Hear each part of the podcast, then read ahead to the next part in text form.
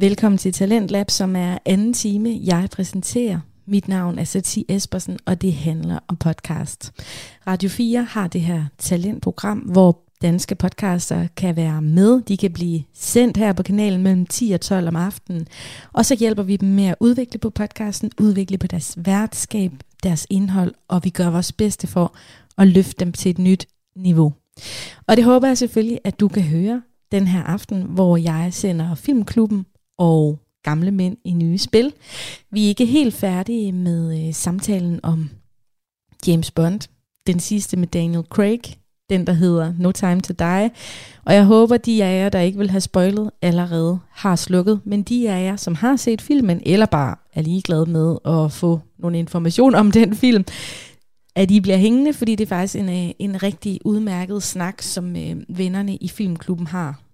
Jeppe Fransson, Ida Mosegård og Alexander Bjørn står bag den her snak i Filmklubben. Og øh, så ses vi på den anden side, når jeg præsenterer gamle mænd i nye spil. Men det er jo ret kontroversielt, det her med Bond grundlæggende. Altså, der er alligevel mange, der har været ret provokeret af, at han dør. Øhm, fordi der er, altså, Bond dør jo aldrig i nogen andre film. Så det, øh, det er jo meget drastisk skridt. Så det, hvad, jeg har det sådan lidt. Det kan også være, det er mig, der er naiv og tænker, prøv at høre, næste den skal nok finde på en god undskyldning for, hvorfor Bond ikke er død. Nå, om jeg tænker jo også, det der med den åbne dør, Bjørn, tænker jeg er fuldstændig rigtigt set. Øh, for de næste Bond-film, der kommer, skal jo ikke have noget som helst med de her film at gøre. De skal jo starte deres eget sted og bygge deres eget univers op. Fuldstændig ligesom man gjorde med Sean Connery og Roger Moore, Pierce Brosnan og hvad det er, som har heddet, ikke? Øhm, så, øh, og så skal de selvfølgelig drage paralleller ind mm. fra, fra deres øh, hvad skal man sige, respektive universer, de har ligesom har skabt, fordi Bond er jo Bond. Øhm, så, øh, så, så det, jeg, synes, det var, jeg synes, det var fuldstændig rigtigt. Mm. Og man kan sammenligne det lidt med øh, øh, Batman, ikke? Altså, det, Christian Bales Batman slutter over, han dør jo så ikke, vel? Men, men slutter, Måske. Måske, ja. Men slutter i hvert fald på en måde, hvor man er fuldstændig, hvor man er helt sikker på, at han kommer ikke tilbage og er Batman. Mm. Øh, og så er det ligesom frit en åben dør, kalder du det, Bjørn, ikke, til at sige, så, så kan I jo lave jeres eget univers bagefter, mm. hvis det er det, det I har lyst til. Mm. Øh, så det, det, det synes jeg var det eneste rigtige at gøre. Og det er jo også den eneste måde, man kan komme videre på. Mm. Det er så vidt, Daniel Craig jo hele tiden blive konfronteret med, skal du ikke tilbage, vi har taget en til Bond-film. Ja, jeg kunne ikke lade være med at tænke, at Daniel Craig også har sagt, please, kan I ikke bare dræbe Bond på slutningen af den her, så jeg slipper for at komme tilbage. Så er det den sidste, jeg lever. Men, men, men så er man også nødt til at tale om Craigs efterspil, ikke? fordi lanceringen af filmen, og det eneste, vi har snakket om, er den her pink smoking, øh, han har haft på, ikke? og måtte man det, og måtte man ikke det, og sådan, altså han har kørt den der totalt til fulde, ikke? Mm. også i efterspil. Han har virkelig været god til sådan at, at sige, øh, han går også lidt med et eftermæle af, det var mig, der leverede det moderne Bond. Ikke? Mm. Jo. Og det gjorde han jo også. Det gjorde han. Han tog den fra den helt traditionelle, når du ser Casino Royale, er der ingen, intet nyt under solen der, til det vi ser i dag. Ikke? Jamen, det er jo det der med, at han har jo opbygget en, en menneskelig Bond. Mm. Øh, og, og jo også den bedste Bond, synes jeg. Særligt efter den her film, der synes jeg, han er den mest helstøbte Bond. Og det der med, at han får ligesom en udvikling, og man kan bygge på, det gør ham bare til en mere spændende og kompleks karakter. Og det klæder virkelig Bond-universet. Jeg, jeg synes også, det har sin charme, de gamle film, som er lidt mere sådan... Der starter man lidt forfra ved hver film, der er ikke nogen konsekvens fra den ene film til den næste. Men det her, det klæder det, og man kan fortælle nogle federe historier, selvom det stadigvæk følger de samme elementer og den samme opskrift, så synes jeg, det fungerer ret godt. Og så må man jo også bare sige, at han er også ved at nå en alder, hvor man så tænker, så skal du ikke være Bond mere, vel? Altså, manden er 53. Altså, det er sådan lidt, så skal... Og Roger Moore var 58 i den sidste, Ja, så ja, og det bliver også mærkeligt, ikke? Så, det var det også. Ja, så det er også det der med at sige, jamen, så kan du ikke rende rundt og være agent, så er du nok trukket tilbage af en eller anden kontornus, eller har en eller anden lederstilling øh, i det offentlige, eller sådan eller? En eller anden politidirektør, du er nok blevet. Så Øh, hellere være død. Altså. Ja, så det, det kan være, at du laver sådan noget øh, Bond bliver den nye Barnaby eller en eller anden, ikke? Altså, det er Og det er ærgerligt Men, spin-off. men den gennemgående ja. ting, øh, uden jeg sådan kan huske præcis, men det er jo flere gange, de nævner også i de forrige film, at der er ikke rigtig nogen anden udvej af den her branche, end mm. at dø, ikke? Mm. Altså det er de færreste, der går levende fra det. Og det, det bliver er sådan en selvopfyldende profeti. Ja, Felix. Leiter dør jo også. Det er Ja. slet ikke fornemt. Det er også meget sørgeligt. Ja, ja. Men, øhm, ja. Men øh, hvor tror I egentlig Bond skal hen nu? Nu siger vi, det, det er jo helt åbent, og det er det jo virkelig også. I, eller hvor håber I, det skal hen? Nok Altså, jeg, jeg tror, der går mange år, før der kommer noget nyt. Ja. Det må jeg sige, og og det tror jeg også, der er brug for. Øh, at få øh, det Daniel Craig har skabt på afstand. Øh, men så tror jeg egentlig, at de, øh, de tager en, en, en øh, hvad skal vi sige, en habil øh, britisk skuespiller, ligesom man tog Daniel Craig, ikke? Øh, og, og kørte det videre i samme spor, men prøver at forny det på samme måde igen. Øh, så jeg tror egentlig ikke, at man, og det synes jeg heller ikke, det skal være så revolutionerende. Øh, jeg synes heller ikke, at Daniel Craig sådan er revolutionerende. Jeg synes, han fornyer det i det tempo, det skal fornyes. Mm. Øh, og det som fanskaren også ligesom kan holde ud. Øh, så det, det synes jeg bare, man skal, man skal fortsætte med at tænke i de baner. Øh, jeg vil så sige, jeg er ikke over i den grøft, hvor jeg tænker, at nu skal 007 være kvinde. Altså det, det synes jeg vil være, det, det kan du godt lave film, hvor, hvor man så tager hende her Nomi-karakteren og bygger det videre på det og laver en spin-off af Peter, øh, James Bond-universet, men James Bond er jo en mand, og kan jo så, per definition, nu skal jeg selvfølgelig ikke definere hans køn, det må jeg jo selv bestemme, ikke? men jeg tænker bare, der er nogle ting, hvor jeg synes, det bliver for eksperimenterende på en måde, hvor jeg synes, man går lidt på kompromis med, hvad det er, universet kan. Og så kan du godt lege med den der modernitet på en anden måde, øh, gøre øh, det feminine i nogle af karaktererne øh, til, til noget fedt, øh, som, som vi jo også har været, været inde på tidligere. Ikke? Mm. Men, ja. Altså, jeg, jeg er jo meget for, at man eksperimenterer meget øh, med, med de her film og sådan noget. Det håber jeg også, de vil med de næste film. Men, men jeg tror, jeg er meget enig med dig, Jeppe, i, at det, øh, jeg er selv vel splittet med sådan, om kunne man lave en James Bond, der var en kvinde. Men jeg synes faktisk, Daniel Craig kom med en ret god kommentar til det, og han sagde sådan, men det synes han bestemt ikke, fordi jeg synes, han synes heller, at man skulle lave nogle originale, fede ja. fortællinger til kvinder, og der må jeg bare sige, det, det er jeg enig i, for jeg synes også, det, det er for kedeligt at tage James Bond og gøre det til en kvinde, så lave nogle fede fortællinger med nogle fede kvinder. Det kan man jo se i den her film. Alle de fede kvinderoller, man kunne skrive. Man kunne sagtens lave en hel film om hende her, øh, Paloma. Mm. Øh, altså, bare fokusere på hende, og hun behøver ikke at være James Bond-agtig, men altså, en karakter som det kunne være fantastisk. Så der er jo så mange muligheder. Det er jeg nemlig også meget, meget enig i, at det er, sådan, det, er en, det er en mærkelig måde at se det på, at nu skal man bare tage en franchise, der fungerer, og så gør det til en kvindeagtigt. Det, det, men, men franchisen fungerer jo også, fordi den er ret stabil mm. hele vejen igennem. Ikke? Og der er den der været ledelsesmantra om, der skal lige gå 100 dage, før du begynder at lave for store ændringer. Og det er også min, altså, øh, jeg ved ikke, om der går helt så mange år, før de kommer med en ny, for jeg tror, der er ret store forventninger til, at nu skal vi se, hvad det næste kan være. Ikke? For vi snakker så længe om, at Bond han var færdig, eller Craig var færdig. Øhm, men, men jeg tror også, man starter med en meget tradition, traditionsrig Bond-film, og så bygger man videre derfra i samarbejde med den nye Bond. Ikke? Så lader man det udvikle sig på mange måder, ligesom man gjorde med Craig. Det kan godt være, at det bliver lidt hurtigere tempo, end det gjorde her.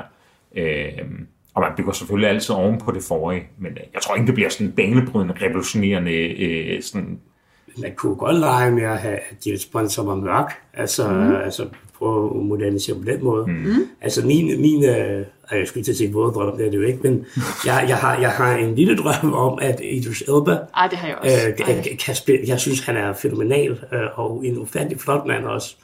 Øh, kunne virkelig bære det her Bond godt øh, udfordre jeg måske, at han også er lidt oppe i årene. Han er næsten blevet for gammel nu. Ja, jeg havde været fedt for 10 år siden ja, måske, men han det, er så fed. Og det samme med Tom Hardy, ikke? det er også som om, at tiden er ved at løbe lidt fra de der, hvor man for noget tid siden har tænkt, de er, de er sådan klare mm. favoritter til at gå ind og spille, uh, spille Bond på det tidspunkt. Hvad med Timothy uh, Chalamet? Ja, nej. Han, han er bare for splicet. Nej, jo. Det, er jo, det vil være meget moderne til på Bond. Ja, det vil det. Ja, måske for moderne til, ja. Rowan Atkinson. Jamen, han har lavet sin egen Johnny English. Ja, ja. ja, ja. Sådan Cleese. Du er på Radio 4 en sen søndag aften, og lige nu der lytter du til en dansk podcast, der hedder Filmklubben. Den er lavet af Alexander. Den er lavet af Alexander Bjørn Jensen, Jeppe Fransson og Ida Mosegård. Tre venner, som er glade amatører og elsker at lufte ud for deres store kærlighed til film. Og du har nok opdaget lige præcis, hvilken film det handler om, nemlig No Time to Die, Daniel Craigs sidste Bond-film. Men venner, vi skal simpelthen øh, til at Må, må jeg så ikke lige, inden vi gør det, Okay, bare det er lige nu, sidste jeg skal bare lige hurtigt sige, øh, øh, Tom Ford er jo manden, der står for øh, påklædningen. Ja. Det har han også gjort de ja. to andre, mm. og jeg er kæmpe fan af Tom Ford, Ja, er både som instruktør, men altså også som, øh, som, som modedesigner. Øh, det, det er så lækkert at se på, hele vejen igennem. Og han har jo også påklædt, eller øh, hvad hedder det, klædt mange kvinderne på i filmen. Mm. Og det ser simpelthen bare gennemgående fedt ud. Den måde, Bond kan gå ud af en bil på, og så lukke sin blazer. Ja. Altså, jeg må bare sige, det er så fedt. Og jeg elsker hans jakkesæt, og det er bare... Og, og selv når han er i svensk skov øh, Ja. øh, tøj, så ser det bare... Det Pissegodt ud, Det ser så fedt ud. Altså, ja. Og hende, øh, øh, 007, hvad hedder hun, øh, Nomi, Nomi, ja. øh, hun, hun, det er også fedt, det hun har på. Det er nogle fede sådan, øh, solbriller, hun har på. De er sådan lidt, de er sådan lidt ude, øh, de er sådan lidt, øh, det, vi Meget lægger mærke til det. Præcis, vi lægger mærke til det, og det, det er bare fedt. Og så en anden ting er også det der, altså det plejer jo altså en ny Bond-film, og er jo som regel egentlig bare en lang bilreklame for Aston Martins nye model. Ikke? Øh, det har man så kun gjort meget kort her. Vi sad sådan og Ja. bankede til hinanden, når den Nu- kom. nu- ikke? nu kom ja, men, men det var bare kort, fordi hvorfor gå fra det, der virkede? Og det er jo, at han kører meget i den der meget Den traditionsrige gamle, også den fedeste af dem, øh, Aston Martin. Ikke? Det, er så, det, det er man lige nødt til at dvæle lidt med, for det var fandme fedt. Fedt. Og så okay, stabilt soundtrack af Hans Zimmer, det må jeg jo give. Jeg synes, jeg synes musikken var fed. Og, og der er særligt en scene, hvor, at, øh, øh, hvor de skal ud af det her øh, labyrint på den her ø, eller, eller, hvor han er i sådan en form for rund øh, gang eller et eller andet, mm. hvor man så filmer nede fra enden af gangen og ser ham komme gående, yeah. hvor, han så, Ja, yeah, det hvor man så hører det, dø, dø, dø, hvor han så vender sig og går tilbage igen, altså ligesom for den der, hvor han skyder. Ja, ja han Starten vender sig om og skyder fra hoften, ikke? Ja. Ja. Det er... Ja, det var fedt sådan øh, Ja. en lille ode til... Øh, Nej, det var Ja, så fedt. og jeg tror også lige, jeg prikket til dig, Ja, ja, ja. skal der i ørerne. Ja. Der, der. ja, det var vildt fedt. Det er fedt, det der. Ja. Det var nemlig super fedt. Det er det, der er kæmpe kærlighed fra alle dem, der har lavet den Præcis. efter den her film. Og et smuk måde at stå dag på os, ikke? Og, og, altså Craigs karriere, og lige at få det der med ja. i den sidste film. Super, super fedt. Nå, vi kan simpelthen ikke presse den længere. Vi skal faktisk øh, til det vigtigste i dag, og det er jo Vi er tilbage til spoilerfri zone. Vi skal simpelthen til øh, Gæt en filmlyd. Så øh, jeg vil lige øh, spille filmlyden igen. I har jo haft hele afsnittet til at tænke over, hvad det er for en film, jeg spillede lyd fra, og det kan I jo så håbe på, I kan gætte.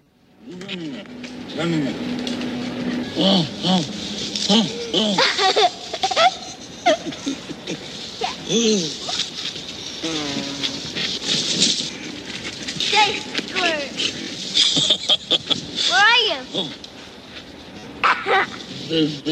yeah!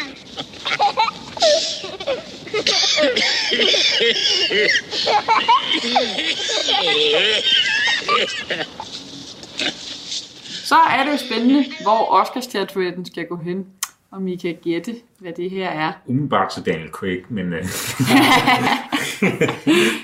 Jeg, jeg, jeg er faktisk... Øh, er jeg lidt i tvivl egentlig? ej, jamen, jeg, jeg Altså- tror også, jeg lader mig... Jeg, men jeg ved, jeg ved godt, hvor det er. Ja, altså jeg, det er godt for, Ja. ja. øh, og det er der, hvor Don Corleone dør øh, i, mellem de her vinende rækker, øh, hvor han leger med, med, med barnebarnet. barnebarnet. Men spørgsmålet er, det, er- nej, det er ikke toren, det er etteren, han dør. Ja. Så jeg siger, jeg siger godt for part 1. Ja, Siger det ser jeg godt bare bare lidt. Det er helt rigtigt. Yeah! Men det er faktisk appelsintræ. Eller appelsintræ, okay, ja. ja. Men øh, ellers øh, meget rigtigt. Ja. Ja. Egentlig også en ret ubehagelig scene. Ja, ja. ja. Men Hvor, Jeg får sådan lidt ondt i kroppen. ja, det, det, er ikke, det er ikke så fedt. Men den, den er meget ikonisk, så øh, det var godt gættet. Så I må få lov at Ja, dele. og jeg må sige til at starte med, jeg var, jeg, jeg var lidt svært ved at høre, hvad der foregik, og så troede jeg, at det var min, min nare, øh, mormoren der, Jo, der, ja. der, der ligger. Og så var jeg sådan, hvad sker der? Kunne godt høre, det var mand bagefter. Kan vi lige dvæle bare lige et... Jeg ved ikke, hvor, hvor mange af der... øh, mange jer, så er vi mange. Men hvor, hvor mange af jer tror, der har set nogle af Marlon Brandos gamle film? Prøv at dyrke hans skuespil. Der ligger, jeg ved ikke, om den ligger der mere, men der mm. ligger en fantastisk dokumentar på, øh, Nå, om, på, om, på, på DR om Marlon Brando og hans skuespil. Og hvordan han simpelthen, jeg tror faktisk, jeg har nævnt det på den tidspunkt i en anden episode, tror jeg, hvordan han revolutionerer skuespillet som mand øh, i Hollywood. Øh, det, det kan jeg virkelig, virkelig anbefale at lytte mere, mere ned i ham som skuespiller, fordi han var eller han er en af de største skuespillere, vi nogensinde har på den her planet. Fedt. Og med den lille anbefaling, så øh, hopper vi flux tilbage til Bond, fordi vi skal jo lige slutte af med lige at give nogle øh, stjerner mm. på en skala fra 0 til 6. Men jeg tænker, at vi gør det lidt, øh, lidt kort, for nu har vi også snakket lidt længe. Men øh, Bjørn, vil du ikke starte? Jo. Og på papiret, så fungerer den her lige så godt som alle andre James Bond-filmer. Det er sådan et middelmål. Men da jeg sad derinde, var jeg bare sådan helt blæst væk. Og, kæft, og jeg var nødt til at ringe. Altså, det gik ud fra biografen. Jeg var sådan, jeg er nødt til at tale med nogen om det her. Og så ringede til min kæreste. Hun havde overhovedet ikke set, der lå og sov, eller sådan et eller andet. Sådan, de, fuck, det var en fed film, mand. øh, og, og, jeg ved ikke, om den har samme indtryk på mig, anden gang jeg ser den. Øh, lige nu, så giver jeg den 5 ud af 6. Jeg, øh, jeg, jeg vil sige, jeg har det på samme måde, øh, Bjørn. Jeg var også fuldstændig blown away, da jeg øh, kom ud af biografen. Og jeg vil sige, det skulle lige før jeg giver en, en 6 ud af 6, ikke? men så er der lidt i forhold til Rami Maleks karakter og, øh, hvad skal man sige, det onde, som vi allerede har været inde på, som gør, at jeg så jurer ned på, øh, på en 5, men vi er meget, meget tæt på, at jeg rammer 6 ud af 6, det vil jeg sige. Jeg synes, det er, øh, det er så fed en film, og det var så fedt at se i biografen, og de der tre timer, de røg bare ja. sådan der. Altså, Og en kæmpe oplevelse. Øh, jeg tror, jeg ligger, jeg ligger faktisk lidt mellem 4 og 5, men jeg tror, den, øh, den kommer simpelthen op på en 5'er, fordi det var en mega fed oplevelse, og virkelig en film, der sad i kroppen bagefter. Jeg synes virkelig, der var altså, øh, nogle actionscener, hvor jeg virkelig sad på kanten af mit sæde. Og det, ja, det sker ikke så tit i Bond-film, som jeg, jeg tror også tror, jeg har sagt. Og det, øh, det er simpelthen, fordi den var utrolig medrivende, og nogle fantastiske skuespilpræstationer, og ja, jeg, jeg græd, jeg grinede, det var hele pakken. Altså, det var fantastisk. Jeg vil sige, jeg synes stadigvæk, Skyfall er den bedste Bond-film, men den her, den er fandme fed, og det er en øh, tæt tur. Vi må også snart mødes til sådan en Bond-druk, øh, og så kører de der film igennem, og så må vi jo så må vi se, hvilken en af dem, der er den bedste. de er bortset fra Quantum Solace, de er jo alle sammen faktisk... ja, det er de, ja. og ja. Jeg synes er også, også jeg også, Spencer er okay. Ja, Jeg, jeg, jeg kan rigtig godt lide spil. Jeg synes, Quantum of Solace er faktisk altså, lidt undervurderet. Jeg synes også, den har nogle rigtig gode elementer. Jeg tror faktisk kun, jeg har set den en gang. Det, Ja, men den, øh, det kan være, at vi skal tage den gens, ja. gense. Nå, men øh, vi vil simpelthen øh, runde af nu. Tak, fordi at øh, du lyttede med. Det her, det har været Filmklubben, der ser No Time to Die. Bond, any thug can kill. I have to know I can trust you. Well, I understand double O's have a very short life expectancy. You are a kite dancing in a hurricane, Mr. Bond. Is this really what you want? Always alone?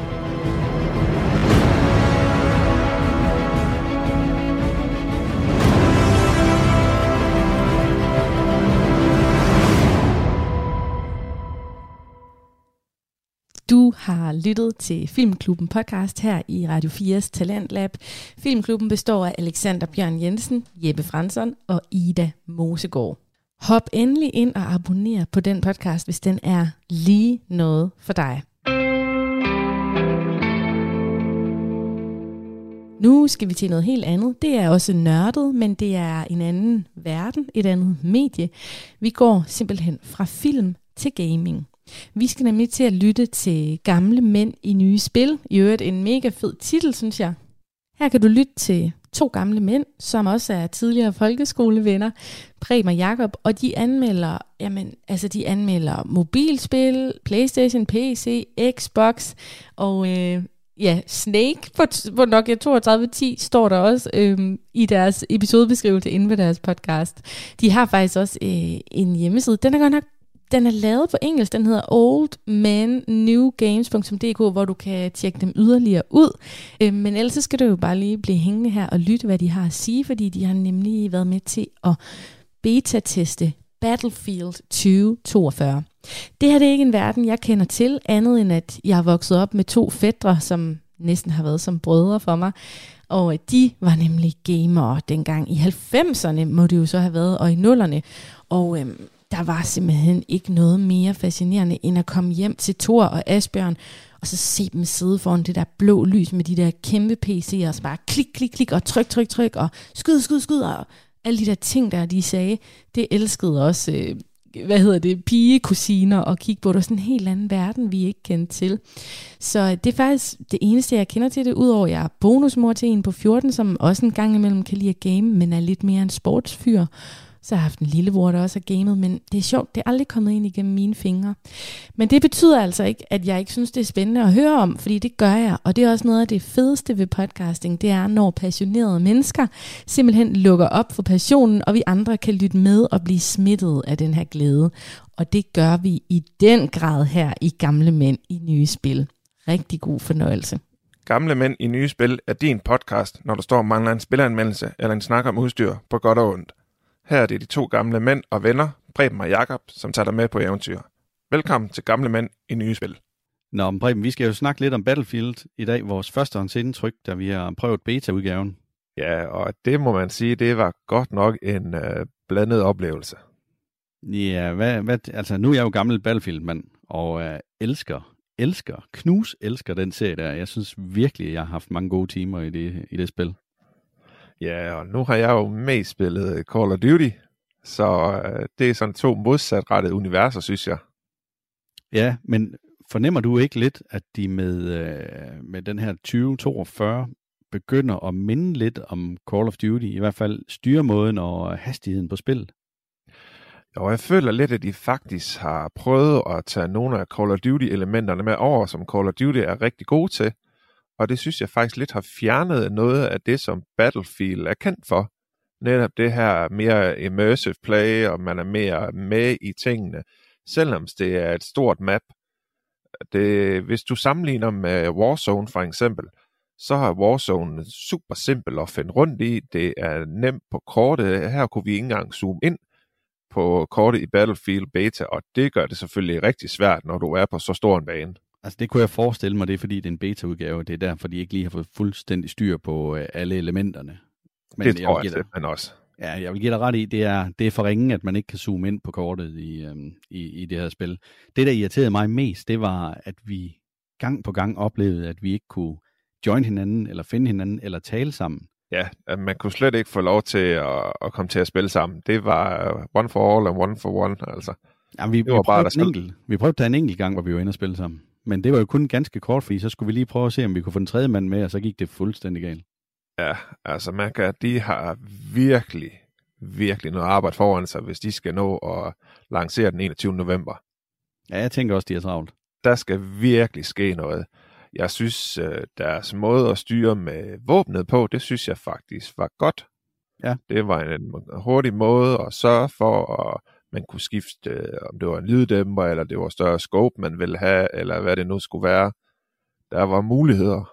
Der sad jeg stadigvæk og tænkte tilbage på øh, Battlefield 4, som nok er det her, øh, at spillet minder mest om, fordi Battlefield 1 og 5, der er kommet siden Battlefield 4, de har øh, fokuseret en lille bitte smule mere på singleplayer-delen, og til gengæld så har de fjernet nogle af de rigtig, rigtig gode elementer i, øh, i multiplayer-delen der, hvor jeg mangler noget, det er det her øh, med karaktererne. Altså, hvor, hvorfor skal det lige pludselig være en karakterrolle? Det er som om, at nu er det personen, man binder nogle evner op på. Og ja. tidligere, der har du fået lov til at øh, modificere din mand fuldstændig. Ja, og noget af det, som også har været øh, stor rammeskrig om, det er, at spillerne faktisk ligner hinanden så meget, så det er svært at egentlig finde forskel på, om det er en medspiller eller en modspiller, du egentlig står overfor. Ja, altså den er, der er jo heldigvis lige markeringen med øh, blå eller med sådan orange-rød ovenover. Ja, der, men uh, jeg har hørt både flere content creators og uh, andre spillere, som siger, at det er meget, meget svært at, at holde styr på, om det er det ene eller det andet. Jamen, de må sgu være fagblinde alle sammen. Jeg, jeg ved ikke, hvad, hvad, hvad, hvad snakker de om? Altså, det er, det er gamle mænd i nye spil, det er, dem alle Jamen, sammen. Det er, det er alle de der content creators, sgu da ikke? Nej, det er også det, jeg ikke forstår. Altså, det, det synes jeg måske er at, at gøre, det, gøre det sværere end det er. Det, jeg synes, der er svært ved det, jeg synes, øh, fordi man ikke kan overskue kortet, så føler man slet ikke rigtig, at man har styring på spil, fordi du har aldrig rigtig styring på, hvor du bliver skudt fra. Jamen, vi kan jo ikke alle sammen rende rundt i sådan en lille labyrint. Vi er nødt til at have noget øh, åben, åben map.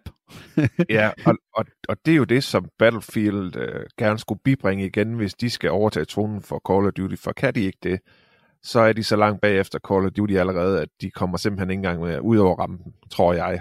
Jamen det synes jeg også, at, øh, at de rent faktisk gør. Jeg synes, altså det, det var en mega fed bane, det var en kæmpe stor. Ja. Det, det, den måske manglede, det var, øh, det var det her med ødelæggelser, som Battlefield er kendt for.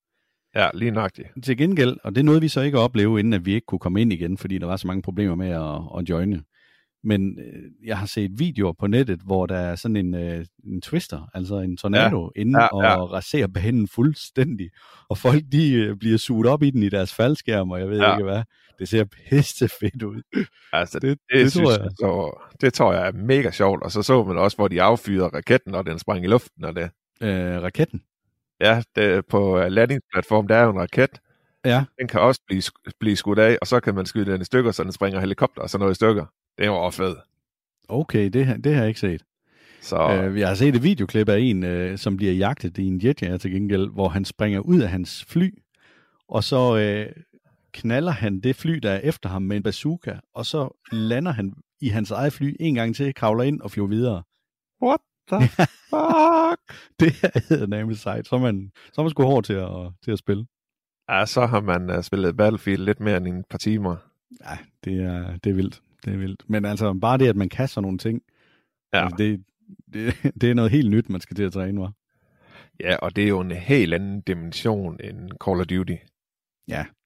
Det skal man bare være, være helt bevidst om, altså. Men det er det. Altså, det har jo altid haft, det har jo altid været det der med alle de der køretøjer, der har været et stort element i det her. Ja. Noget, jeg godt kan lide, der er vendt tilbage, og det tror jeg faktisk ikke, der har været siden Battlefield 2, det er sådan en grappling hook, altså hvor du kan kaste en krog op på en væg, og så faktisk komme andre veje op end af alle stierne. Ja, det var smart. Det synes jeg var lidt fedt. Det, det, det var rigtig smart, og jeg synes, det var virkelig, virkelig flot grafisk. Sindssygt flot. Altså, det er virkelig, virkelig uh, lækkert at se på. Ja, men nu sidder vi jo heldigvis begge to på en Xbox Series X, og jeg tvivler yes. på, at det er maskinen, der har svært ved at trække spillet. Ja, men, det tror jeg simpelthen heller ikke på. Nej, men altså 128 spillere inde på en gang, så er det klart, så, så er der pres på. Men alligevel, det at man, man nogle gange ser øh, nogle fly, der for eksempel flyver foran sig, og så lige pludselig så glitcher den og, og bliver teleporteret øh, 3-4 meter til den ene side, men stadigvæk i samme retning, det, ja. det holder ikke. Nej, altså det... Når man tænker på, at de har udskudt den flere gange med lancering, mm. så kan jeg godt være nervøs for, at 21. november ikke nok. Ja, det kan jeg også. Altså, jeg, jeg er bange for, at de bliver nødt til at udskyde den en gang til, hvis de ikke vil have alt for mange øhm, dårlige anmeldelser simpelthen. Ja, der skal virkelig lave nogle patches, må man sige. Altså, det, der skal arbejde stærkt. Virkelig stærkt. Ja, det er helt sikkert. Det, jeg synes var spændende, var faktisk at høre fra udviklerne selv at sige, at øh, vi skulle ikke være så nervøse. Det var, at betaen faktisk var en, øh, et grundspil, og man kan sige, at det er slet ikke i nærheden af det spil, de vil levere, siger de. Ja, det er helt sikkert. Det er, det er da en øh, fordel. Jeg tror også, at de har pushet den her beta ud for at øh, stressteste både serverne, men også spillet i forhold til, hvor meget skal der til, for at det egentlig kan følge med, og hvor langt er vi bagefter på, om der er nogle glitches osv., når der er 128 spillere inde på en gang. Ja, det er heller ikke i tvivl om, at de virkelig har prøvet at maksimere og udfylde serverne, så der bare kom så mange spillere igennem faktisk. Altså jeg, jeg har i hvert fald hørt fra flere, som har spillet på øh, PC-udgaven, at de oplever, at der ligesom var nogle dyk i de her øh, frames per second, okay. når de har spillet. Og det er uanset, hvor stærkt deres PC har været. De har alle sammen oplevet det, og det, det er måske serverproblemer. Ja, det må, det må det simpelthen være. Ja. Selvom igen, de, altså, de har leveret flere store Battlefield, så de burde jo vide, hvor, hvor meget serverkraft de skal bruge, ikke? Ja, men det er første gang, de går helt op på 128 spillere. Det er rigtigt. Så, den, øh, den har jo været på de 64 indtil nu. Og det, og det gør de jo klart, fordi Call of Duty, Warzone, det er ja. det, de ved, de skal konkurrere med. Ja, ja, og der har vi altså også øh, en kæmpe bane. Det må man sige. Men uanset hvad, så skal vi jo... Øh, det var meningen, at det her det skulle være ganske kort indspark, ja. og vores, øh, vores første sådan oplevelse af, hvordan overledes øh, Battlefield 2042 virker og føles. Man kan sige, for at samle lidt op, grafikken er rigtig, rigtig flot. og forhåbentlig får de styr på serverne, og så, øh, så ser vi, hvad det bliver til. Ja, og så vil jeg, uh, jeg vil også frygtelig gerne have, at de får den der gamle kendingsmelodi. Dun, dun, dun, dun, dun. Ja. At den lige kommer med. Ja. Ah, ah, der var du over i noget helt andet, tror jeg. Det ved jeg godt, men jeg kunne ikke lade være.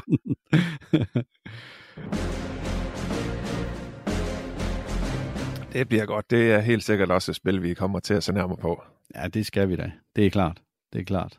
For at tale om noget helt andet, som vi også skal se nærmere på.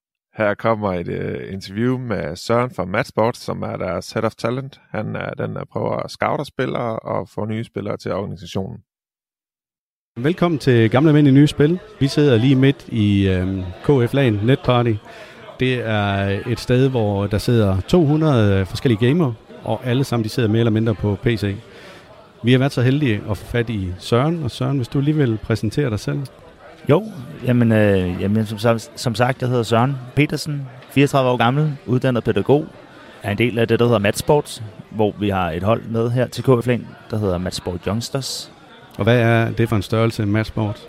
Matchsport er en øh, primært en online organisation, som ja, sjovt nok gør sig online, som øh, lige nu PC har et førstehold, der ligger i Powerligaen. En ting, som øh, er flot i forhold til matchsport øh, og den størrelse, at man kan præstere og ligge i den bedste række i Danmark. Og øh, jamen, så har vi så lige PT et øh, talenthold, og så har vi, som er Matchsport Youngsters, som vi har med herover. Og så har vi nogle, det vi kalder Scouting Grounds hold, hvor vi ser dem lidt mere an i forhold til, om det er noget, vi sådan, på længere sigt vil tilknytte sådan, over en længere periode. Ja. Og hvad hedder, du nævnte lige, at du var med i, eller I var med i Powerligaen. Ja. Og der er mange af vores lyttere, de ved ikke, hvad Powerligaen er. Kan du forklare det? Jamen Powerligaen er, kan man sige, den, den bedste række. Lidt ligesom du har Superligaen i fodbold, så er Powerligaen den bedste række i Danmark i forhold til Counter-Strike. Ja, er det en stor størrelse, eller?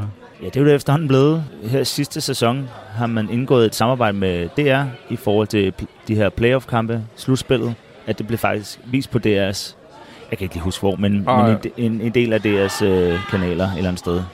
Ved du noget om, hvor mange hold I har med? Altså i selve ligaen? Altså du tænker på Pauligaen, hvor mange ja. hold der er med i Pauligaen? Ja. Jeg tror det er 12 hold, 10 eller 12 hold, der er i Pauligaen. Okay. Og så kan man sige, at Pauligaen har jo sådan et divisionssystem helt ned til 4. division, hvor det er, der også er cirka 10-12 hold med i hver division. Og så er der så Øh, de har lige øh, kan man sige, mindsket første division fra to grupper til en gruppe, for at kan man sige, højne niveauet. Og så har man, nu kan jeg ikke helt huske det, men jeg har i hvert fald to anden divisionsgrupper. Og så har man fire tredje divisionsgrupper og fire mm. fjerde divisionsgrupper. Ja. Så der er jo alligevel en, en del hold med. Det må øh, man sige. Ja. Men det vil sige, at dit hverdagsjob, det er at være pædagog? Det er at være pædagog i en fritidsklub ude i Gentofte Kommune. Og det her så, man kan sige, det frivillige arbejde, du laver? Det er benhårdt frivilligt arbejde, men jeg elsker det. Ellers vil jeg heller ikke sidde her, som jeg gør lige nu, øh, til KF Lan på Fyn. Ja, det er frivilligt arbejde, men som måske i fremtiden kan bunde ud i, at man kunne gå hen imod at få, hvis man er heldig, en fuldtidsstilling inden for noget e-sport, og især Counter-Strike.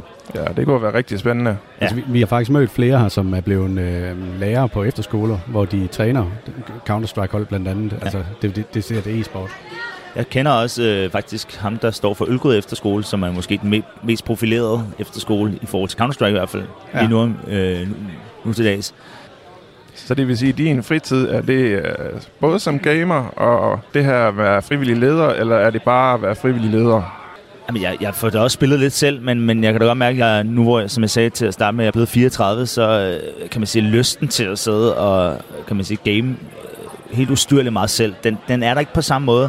Min lyst er at være sammen med de her unge mennesker og være ude og ligesom give dem et, et fundament og et grundlag for at, ligesom at præstere på et vist niveau jeg vil også sige, at de her drenge, vi har med for Youngsters, er også eliteorienterede drenge, som øh, går op i det, som om det er, jamen, hvis det var fodbold på eliteplan, eller håndbold på eliteplan. Ja. Så øh, det er noget, de, de har en stor iver for at opnå noget indenfor. Så man kan sige, at jo, jeg får spillet lidt selv, men jeg bruger rigtig meget tid på at guide og vejlede og være mental coach og hjælpe de unge mennesker, fordi det er det, jeg synes, der er fedest. Ja. Jeg kunne se, at øh, du var head of talent, så er det dig, der er ude at scout nye spillere, eller hvordan fungerer det? Jamen, det er til dels rigtigt. Altså, jeg har jo den titel i Matchsport, der hedder Head of, uh, Head of Talent, uh, og kan man sige, uden jeg har den titel også, der hedder Scouting, uh, sådan uh, talentchef på den front, så, så, så er det klart, at det er jo noget, jeg, jeg ønsker at gøre mig i, og, og kigge efter andre spillere, Og jeg har da, kan man sige, jeg har da spottet nogen, der også spiller på lidt mindre hold, som ikke er officielle, som har et niveau. Øh, men jeg kender så også lidt til deres fremtid. Der er for eksempel en, som jeg kender til, der skal på ølgod til næste år. Så altså, ja, ham kunne jeg jo godt måske tilknytte, eller spørge, om han havde lyst. Men sådan perspektivet sådan på længere sigt, det vil jo ikke være så bærende igen, fordi han netop skal på ølgod efter skole. Ja. Så, øh, så jo, jeg, jeg scouter, øh, uden at, at sige noget øh, om KF og deres størrelse, så er det jo ikke det største øh, i forhold til sådan at, at, at se sådan primært mere foreninger og organisationer. Der er rigtig mange mixhold med, Ja. øh, og det, det er allerede etableret spillere rundt omkring på forskellige øh, foreningshold og organisationshold. Det er måske ikke lige et sted, hvor man skal scoute, men der er selvfølgelig, altså, øh, sådan en type som mig har altid øjnene åbne Mm. over for sådan noget her. Ja, ja, okay. Hvis vi så skal komme lidt mere ind på, øh, på dig, Ja. så har du sagt, at øh, det er begrænset, hvor meget du spiller. Men er det udelukkende på PC, du spiller? Ja, nu om dagen. Jeg har været rigtig meget til konsol tidligere, øh, og primært Call of Duty og FIFA, Ja. øh, hvilket jeg har elsket. Øh, og især lige da det blev, kan man sige, sådan mere normalt at spille online på en konsol. Ja. Der gjorde mig rigtig meget i, jeg tror vi er helt tilbage sådan noget omkring 2010-2011 i sådan noget FIFA, Ja. hvor jeg gik benhård efter at være i top 100, Okay. hvor det nærmest lige før, at det blev sådan mere sådan, kan man sige, en platform, hvor man også gik lidt op øh, i at klare sig godt, og kom måske ud til nogle turneringer og sådan noget. Og, så det, det gjorde mig ikke så meget i, men, men jeg har spillet rigtig meget konsolspil tidligere i hvert fald, og især FIFA, også Call of Duty. Og så føler man sig lidt gammel, ikke, når man begynder at sige 2010. Ja, det gør man desværre lidt, øh, men heldigvis er jeg jo sammen med en masse unge øh, mennesker, som der, der kan, kan man sige, kan være med til at, at give en, en sparkle i, hvordan man ligesom øh, opfører sig ungdomligt, som jeg selvfølgelig også skal have en voksen kasket på Ja. i forhold til. Men, men ja, jeg er en lille smule gammel. En lille smule. ja. Vi har jo øh, her i starten af, af det her podcast-eventyr, der har vi startet lidt med at anmelde nogle mobilspil for at komme stille og roligt i gang. Ja. Og derfor så bliver vi nødt til lige at høre, om du har et øh, mobilspil, som du øh, er fan af. Jeg har mit go-to øh, mobilspil, som er sådan et brick. Øh, jeg kan ikke helt huske.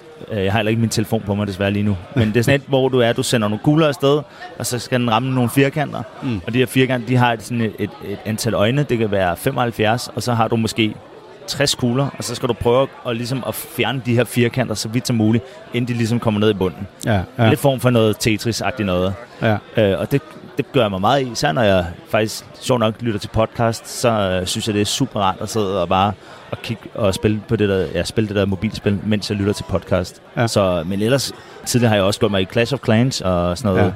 Ja. Øh, men øh, ja, jeg synes, det er lidt en tidsrøver, må jeg indrømme. Men Ja. altså, det der brickspil, det, det er sådan en dejlig sådan en comfort zone, hvor når man sidder og lytter til det her podcast, at man sådan bare sidder og, og, og slapper helt af med det her.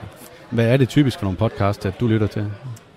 Øh, jamen, jeg, jeg kan faktisk godt lytte, lide at lytte til Bootcamp, som er lavet af e øh, da de inddrager både lidt, kan man sige, for den talent amatørscene, primært for brugscene, men, men, men de prøver at veksle lidt i de forskellige ting, der kan man sige, op i tiden. Mm. Øh, og så lytter jeg til øh, nogle politiske, øh, jeg lytter til DR har noget, der hedder Genstart, hvor de Ja. tager forskellige emner op, som også er nyhedsrelevant. Ja. Det er jo nok også grundet min alder, at jeg synes, det er lidt mere interessant, end hvad det har tidligere været. Ja. Så øhm, jo, og så lytter jeg også til en, en lille podcast, der hedder Monetos, som er en, sådan en, en, en ikke en betting, men de har også, de har også en betting-side, men, men, men den podcast, det jeg lytter til, det er primært, hvor de analyserer fodbold og Superliga og Premier League og sådan noget. Mm. Så det, det synes jeg også er spændende Ja. at være med til og ligesom at dykke ned i. Hvis vi lige skal springe lidt tilbage til gamerverdenen, Ja. så har du et uh, gamertag. Ja, det har jeg. Det er Soppet, og der er rigtig mange, når de ser det her, så siger de Sopet. Ja. og jeg ved ikke helt, hvordan øh, den der dobbeltkonsonantlyd, øh, den er ikke ligesom, øh, at folk ligesom har glemt dobbeltkonsonantlyden fra folkeskolen, men, Ja. men ja, Soppet. Øh. Og, og er der en sjov historie til, hvorfor det lige skulle være soppet? Ja, sjov og sjov. Jeg, jeg, jeg havde kaldt mig lidt forskellige ting, inden jeg fandt på det, og så havde jeg en ven, som sagde, du skulle nok have, altså, og det var lige på det tidspunkt, hvor jeg begyndte at gå mere ind i e-sport, og sådan være lidt mere seriøs omkring det, både selv, men også sådan omkring det at være coach.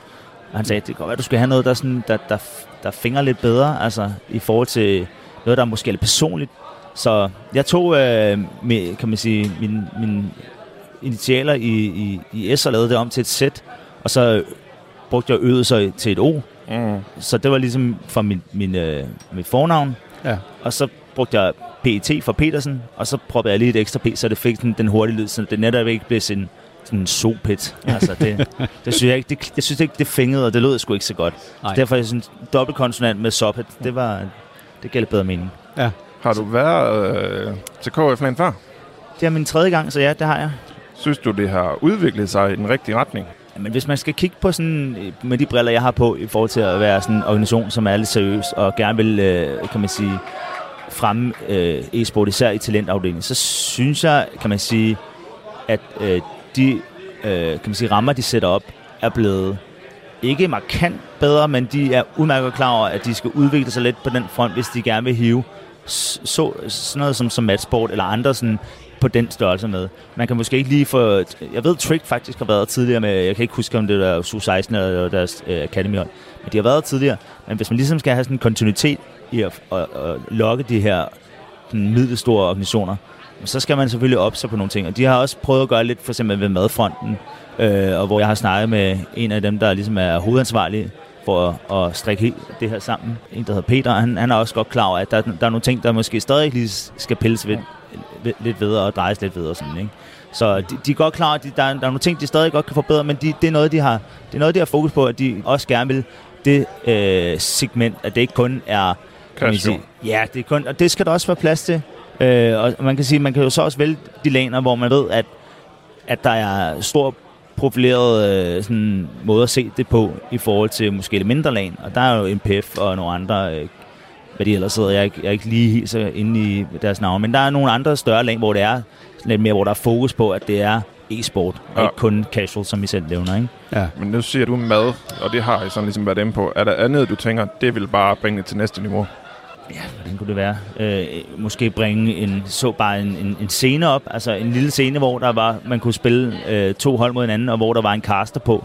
Øh, det ved jeg, at de har gjort nogle andre steder, det, og det løfter niveauet en, en lille smule. Ikke? Ja. Øh, og de måske også kontinuerligt havde en, en caster, der sad, ligesom jeg, jeg tror, det var, tror, det var første dagen her til KF, jeg var til, der sad der en caster nede og kommenterede både A- og B-turning i Counter-Strike. Okay. Og det, det, det gav også lidt et løft. Mm. Øh, og det er jo selvfølgelig også dejligt for dem, de få øh, forældre, eller hvem der nu sidder og kigger med derhjemme, at de faktisk kan følge med, øh, som hvis de tændte TV2 ja. Øh, ja. og så en fodboldkamp. Ja. Det øh, tager vi helt sikkert med videre. Det er noget af det, vi har snakket med Peter om, at det vil han gerne øh, høre, for at sige, hvad, hvad kan vi gøre bedre simpelthen. Ja. Ellers, hvis du skal være social på, på de sociale medier, hvad er det så for et medie, du typisk plejer at bruge?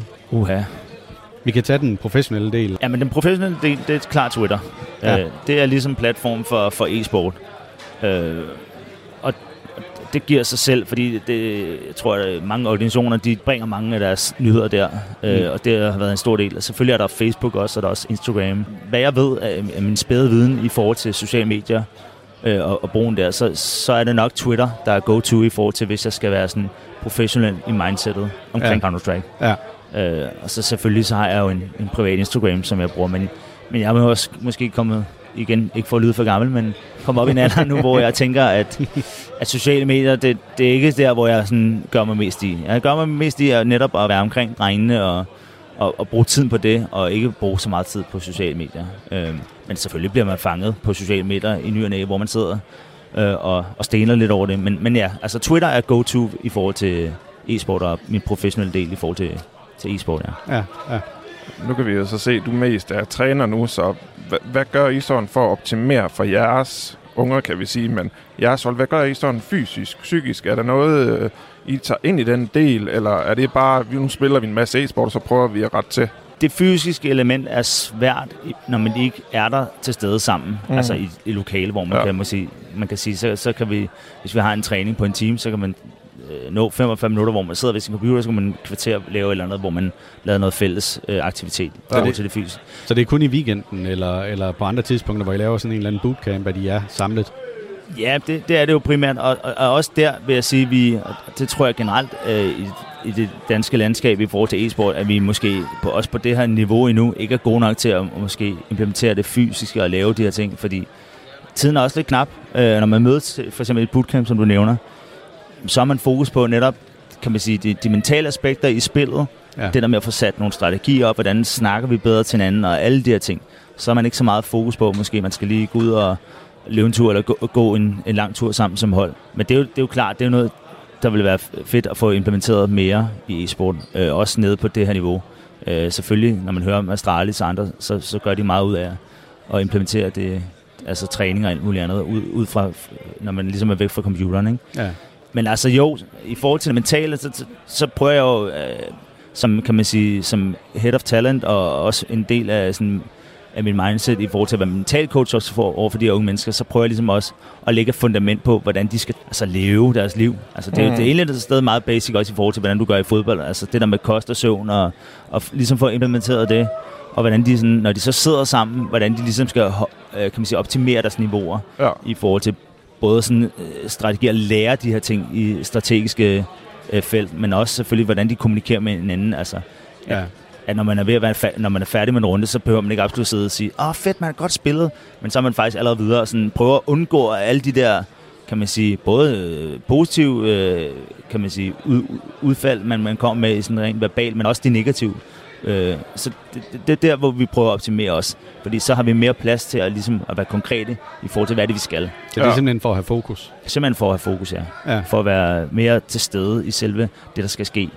Øh, og især når man kan sige, når man snakker i en aldersspænd af, af 13 måske til 16-17 år, der, der, der foregår rigtig meget. De vil rigtig gerne lære, men det sveder man lidt ud nogle gange, og så skal man ligesom repetere det. Ja. Så, øh, men, så det er meget med det psykiske i forhold til, når man sidder inde på serveren, hvad er det, vi skal lære? Og det, det vil sige, hvis man er hen, henholdende i forhold til at, ligesom at, at, at bringe det spil hver gang, så er det også noget, de lærer tidligere, vil jeg sige. Men Ja. det kræver, at der er mennesker, der måske ikke absolut har en, en faglig uddannelse, som jeg har i pæ- pædagogisk verden, men selvfølgelig nogen, der, der virkelig brænder for at, at være, være til stede over for de unge mennesker. Ja. Øhm, og selvfølgelig hjælper min uddannelse mig, fordi jeg har noget teoretisk viden, viden ja, øh, noget bagland der. Ja.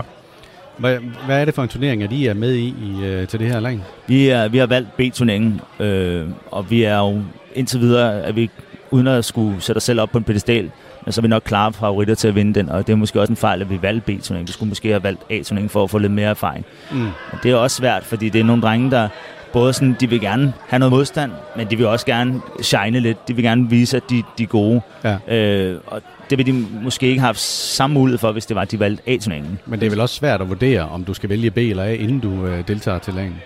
Ja, det er det, men de er alligevel de er jo ret snu, de her drenge, fordi de, de har jo deres kontakter. Altså, hvor jeg bruger Twitter til det professionelle, ikke, så Ja. bruger de det til at, at finde ud af, hvad, hvad, hvad, hvad sker der. Ikke? Ja. Så de finder meget hurtigt ud af, hvem der deltager til de her lanes her. Ja. Så de ved jo godt, okay, så sidder der, der sidder nogle, øh, nogle, i hvert fald nogle første divisionsspillere, som øh, er rigtig dygtige, og der, jeg kan ikke engang, jo, der sidder vist også måske en enkelt eller to fra Powerligaen. Øh, så, så de er jo hurtigt til at finde ud af, der er rigtig mange dygtige spillere med, men Ja. ja. bare på mixhold. Ja, ja.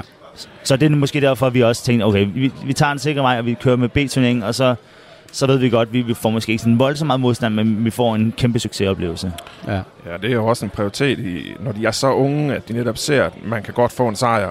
Det der segment, at man gerne vil have noget modstand, og man vil gerne blive bedre, men, men de vil jo rigtig gerne et eller andet sted også vise, hvor, hvor dygtige det er, og de kan komme hjem med en eller anden form for... Får man ikke nogen trofæer her som sådan, men får selvfølgelig lidt pengepræmie, hvis man Ja, ja. vinder. Men det, der er sådan... Der er noget status i at, at sige, at man har klaret sig godt. Og det er jo klart, det er jo også noget, der, der ligesom spreder ringe øh, i vandet. Ikke? Altså det, det er jo noget, der ligesom... Noget, man tager med videre. Ja, altså nogen, der også ligesom, okay, I klarer det godt der, mm. til den her turnering, og, og så er der måske nogen, der også får øjnene op for den, øh, som måske er en større organisation. Who knows? Altså, ja. Ja, og nu kan vi jo se, at I har et ungdomshold her med, og det er jo totalt i fritiden, det går. Så For hvor meget tid bruger du, hvor meget tid bruger de på at træne, kontra jeres semiprofessionelle hold? Jamen, de ligger cirka bare sådan øh, antalmæssigt ud af på en uge, så, så er det sådan tre til fire gange om ugen. Øh, og når, når de har kampe, som de har lige nu, så bliver det nok øh, nærmere tre gange, fordi de skal jo også have tid til kampe, og de, det er også nogle drenge, der nogle af dem går i, i folkeskole, nogle er lige startet gymnasiet, og selvfølgelig er det alfa og omega, at de prioriterer deres skole Ja. Mm. øh, som første prioritet. Så derfor kan man sige, i forhold til sit semi, altså vores første hold, de ligger øh, ved at tro omkring fem dage om ugen, og så svinger det nok lidt i forhold til mange timer, de bruger. Men de bruger selvfølgelig en del flere timer, end hvad vi gør, fordi det er trods alt øh, spiller Powerligaen, og det, det, det er nogle helt andre, kan man sige, mekanismer, der, der fungerer Ja. deroppe. Øhm, så jeg synes, jeg synes antal og sådan teammæssigt øh, ligger vi der, hvor vi skal være i forhold til, det er nogle drenge, der går, i- som sagt, nogle af dem går i folkeskole, nogle af de starter gymnasiet. Øhm, Så og, og, jeg vil også lige sige, i forhold til familier og forældre, sådan er gode til at bakke op omkring det og, og give plads til det. Ikke? Øh, så længe vi får det planlagt i, i, i tid, og vi laver sådan en fast schema, ja. så er familien faktisk ret gode til at, ligesom at sige, at det, det støtter de op omkring. Hvordan fungerer det så? Nu har I det her ungdomshold. Er det så noget, hvor I bare mødes over nettet, eller mødes I samlet og træner? Jamen, det er jo, en, som jeg tror, jeg også startede med at sige, at det er en online, online organisation. Ja. Så øh, det foregår selvfølgelig øh, online over, øh, at vi sidder og spiller, øh, og de sidder og spiller på deres værelser. I den perfekte verden vil det være fedt, at vi kunne mødes lidt oftere og kunne sidde sammen og, og, og træne, fordi det, det giver sindssygt meget ja. at sidde til sådan et lag som her. Ja. Som vi også har snakket om, det, man, man får bygget nogle procenter på, også når de igen allerede fra i næste uge skal spille Powerliga-kamp, så har de været hernede. Øh, så de har en, en forståelse af, hvordan man, man skal spille som et hold, og det får man selvfølgelig også ved at sidde derhjemme, men det er bare noget andet, når du sidder sammen ja. ved siden af hinanden, og sådan har øjenkontakten, ja. øh, og kan forlange noget. Det, det, det, er bare, det er noget andet, end at sidde derhjemme. Altså. Mm. Og jeg vil ikke negligere at sidde hjemme ikke er godt, øh, fordi det gør, jeg har ikke procenttal på det, men jeg vil tro nærmest i hvert fald, vi er godt op omkring sådan 60, 70, 75 procent, der sidder derhjemme. Ja. Og så har du nogle foreninger rundt omkring i Danmark, hvor man mødes fysisk. Man må simpelthen ikke underkende, at det er et eller andet sted e-sportens måde at dyrke eliteplan. Der man også sidder derhjemme. Øh, men det er klart, det, det giver sindssygt meget at sidde hernede. Men jo, i en optimal verden kunne det være fedt, hvis man kunne sige, jamen hver, hver anden uge, så mødes vi til bootcamp. Ja. Altså, mm. men, men sådan er det ikke. Altså. Afslutningsvis, det hold, I har med i dag, ja. den største præmie, de har vundet, hvad, hvad er det? Det er jo et forholdsvis nyt øh, sammensat hold, øh, det er her fra i sommer af. Øh, så der er jo nogen, der har prøvet lidt mere end andre. Ja. Men deres indgame leader, øh, som hedder Ube Ingame, han er også den, der måske har allermest erfaring sådan holdmæssigt, og han har vundet de var til et, et, et land, der hedder HH Land, der ligger over omkring, omkring Varde lige inden corona-lockdown, og der vandt de en gamerstol til 1000 kroner, en, en flot en gavekur med alt muligt lækkert i til mm. cirka, det ved jeg ikke, 200-300 kroner. Ja. De har også fået et par anpladser faktisk her til KF Lan, så jamen, det den, der har vundet mest, og det, det er ham, det er nok omkring sådan et par tusind kroner mm. i en alder af, han er lige, lige blevet 15 her i sidste weekend, så det er jo et eller andet sted meget flot, ja, det må øh, i forhold til, ja, hvor gammel er og hans erfaring og sådan noget. Hvis du sådan skulle uh, give en sidste ting, som er et godt råd til nogen, der gerne vil udvikle sig til at bare sidde hjemme og spille, ja til at prøve at komme lidt ind på sådan nogle hold her. Hvad, hvad vil du sige ja. er det vigtigste, udover bare selvfølgelig at spille, men hvad, hvad kan man gøre for at optimere dig hjemmefra? Den kan godt være lidt svær, men, men jeg vil sige, det jeg har oplevet i de her to-tre år, hvor jeg har kan man sige, været træner og mentaltræner, det er, at man, man lægger vægt på, at man et eller andet sted har en god tone. Altså, og det er jo ikke kun i, i Counter-Strike, men generelt. Ja. Fordi det, det får du meget goodwill øh, af fra, fra andre. Ja. Og, og, og hvis du lægger meget vægt på, og ligesom, og når du er i en game, om du spiller face eller, eller hvad du spiller, at hvis du så møder nogle nye, at du ligesom er åben, øh, og du, du ikke sådan dømmer folk fra starten af. At du ligesom prøver at, at, at have et mindset, der gør, at, at du gerne vil folk. Jeg har også oplevet, at der er nogen, der er sådan de introverte typer, og de er desværre lidt ofte på nettet, Ja. Nogle, der er modsatte. De er meget ekstroverte, de vil rigtig gerne skrive, de vil rigtig gerne være lidt smart i den fart. Det kommer man desværre ikke rigtig nogen vej med, og det kan man sige også lige i forhold til min rolle om matchsport. Det er også noget, vi kigger på og prøver ikke at være slå hårdt ned på. Men vi vil rigtig gerne unge mennesker, der er, der er positivt stemte og som rigtig gerne vil holdmæssigt, og ikke kun sådan tænker individuelt. Så hvis jeg skulle give klart råd, det er, at man, man er åben, og man, man er lyttende over for også dem, der måske har lidt mere erfaring og så bare generelt, øh, hvis du er lidt ny i scenen, så, så, så vær åben. Altså, ja, ja, det er fantastisk godt råd, Søren. Tusind tak, fordi du ville komme og lave et interview. Det er Søren for Matchsport. I kan finde det på internettet. Så kan I slå dem op og se, om det er noget, I skal arbejde hen imod. Så tak, fordi I lyttede til Gamle Mænd i Nye Spil. Tak, fordi du kom. Det var så lidt. Tak, fordi du var med. Tak. Hej. Hej. Du har lyttet til Gamle Mænd i Nye Spil med Preben H.P. Pedersen og Jakob K. Terkelsen. Og øhm, ja, de interviewede jo Søren Petersen fra Matchboard, og øhm, jeg håber, at du føler, at du er kommet lidt tættere på den professionelle del af ga- gamerverdenen. Det er jeg i hvert fald dybt fascinerende, når man slet ikke har en fod indenfor. Her til aften, der har jeg præsenteret Filmklubben podcast, og så Gamle Mænd i Nye Spil, som du lige lyttede til. Og øh, du kan høre alt, hvad vi præsenterer ved at følge Talentlab på diverse podcast-apps. Du kan også følge os på Instagram eller holde øje med, hvad vi udkommer med på Radio 4's hjemmeside. Mit navn er Sati Espersen, og det har været en glæde at holde dig med selskab her til aften. Husk, Talentlab sender hver eneste aften fra 10 til 12, så hvis du ikke selv gider at lytte til podcast, jamen så kan du bare lytte til Radio 4. Nu vil jeg give stafetten videre til den nattevagt, som sidder i løbet af den her nat og taler med jer om et eller andet emne. Så lad os se, hvad der er på programmet i dag, og øh, velkommen til nattevagten.